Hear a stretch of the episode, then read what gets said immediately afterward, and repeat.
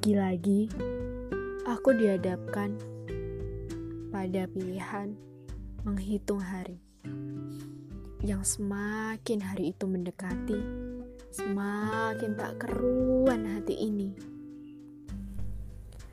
Rasa sedih, kecewa, amarah, pasrah, benci, kesepian, semuanya melebur dalam dadaku memunculkan gemuruh riuh gelombang yang tak bisa aku tenangkan.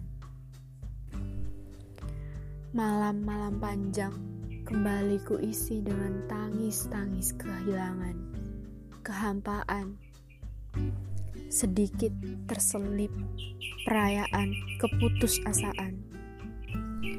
Banyak hal berlalu lalang dalam isi kepalaku.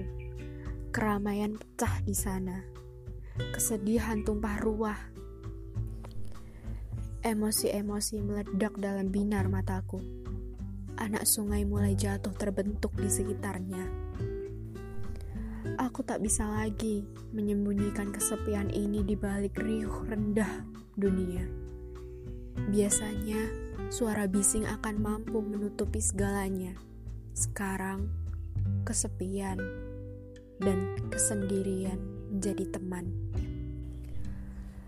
Aku terus menangis sampai datang terus pertanyaan. Kau menangisi apa? Kau kenapa?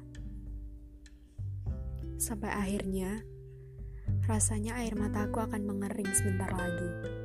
Tak ada lagi yang perlu ditangisi. Segalanya harus kuhadapi.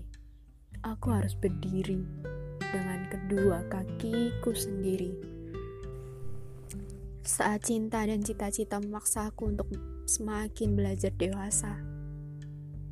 Segera beranjak agar tidak tertabrak. Aku tak bisa menggenggam kedua ranjang itu pada tanganku. Aku harus melepasnya satu persatu. Ingatan-ingatan datang lagi. Memori-memori yang kupaksa pergi perlahan muncul kembali.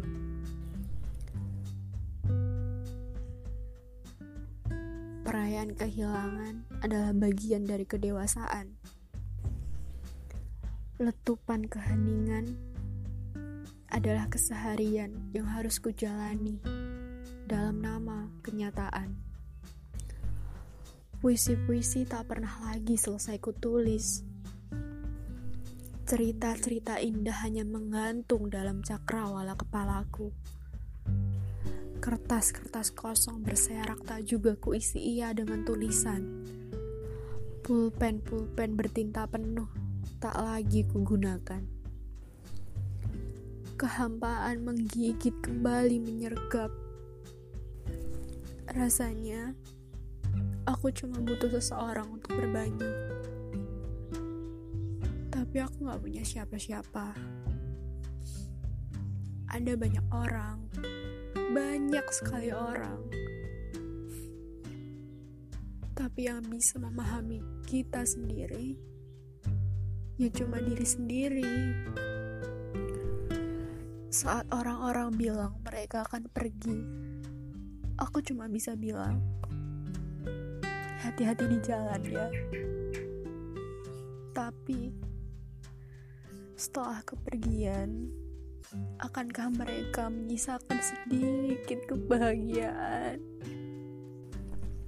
Apakah pucuk-pucuk kerinduan yang selalu kutanam akan disampaikan oleh angin-angin malam yang senantiasa dihembuskan? Apa amarah dan benci akan hilang begitu saja di telan riuhnya bumi? Apa buku-buku yang berusaha ku jejalkan mereka dalam isi kepala akan membantuku meredakan segala kepahitan ini. Apa berhalaman-halaman cerita yang ku baca, yang ku bolak-balik akan turut menelan rasa pelik ini. Aku gak berani bilang ke siapa-siapa kecuali menangis di hadapan aplikasi perekam suara.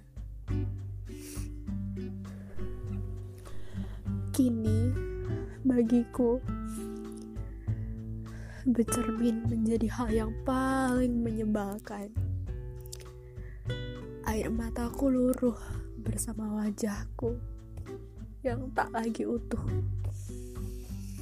Bersama dengan bayangan-bayangan masa lalu, bayangan-bayangan beban, bayangan-bayangan ekspektasi yang terus digantungkan. Dadaku rasanya lebih daripada sekedar sesak yang telah coba kutumpahkan dengan seluruh air mata. Ia tak juga segera mereda. Aku coba menikmati, sedang belajar mengencani segala rasa sakit ini. Ribuan, jutaan tetes mata maka adalah hal-hal yang melingkupinya. Menangislah, bertahanlah, berjuanglah. Hal baik akan datang, hal bahagia akan segera menjelang. Janji-janji akan terpenuhi, Expek ekspektasi akan terbayar dengan lunas beban-beban akan mulai berkurang. Malam-malam panjang dan puisi-puisi yang selesai kau tuliskan.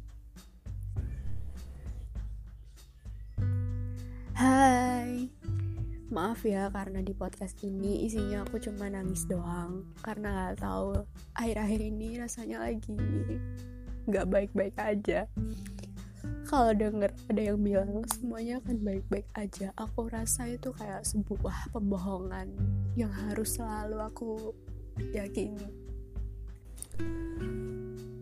Aku cuma butuh sebuah ruang untuk bercerita ini podcast keberapa yang isinya cuma nangis doang? Tapi aku lega. Apa pun itu kalau kalian lagi sedih jangan pernah dilawan. Seorang dokter anestesi pernah bilang kepadaku rasa sakitnya jangan dilawan dibiarkan lalu disembuhkan. Maka semoga kalian menemukan penyembuhan yang luar biasa sebagaimana aku akan berusaha untuk menemukannya usaplah air matamu. Hari yang baik sedang menunggu. Terima kasih.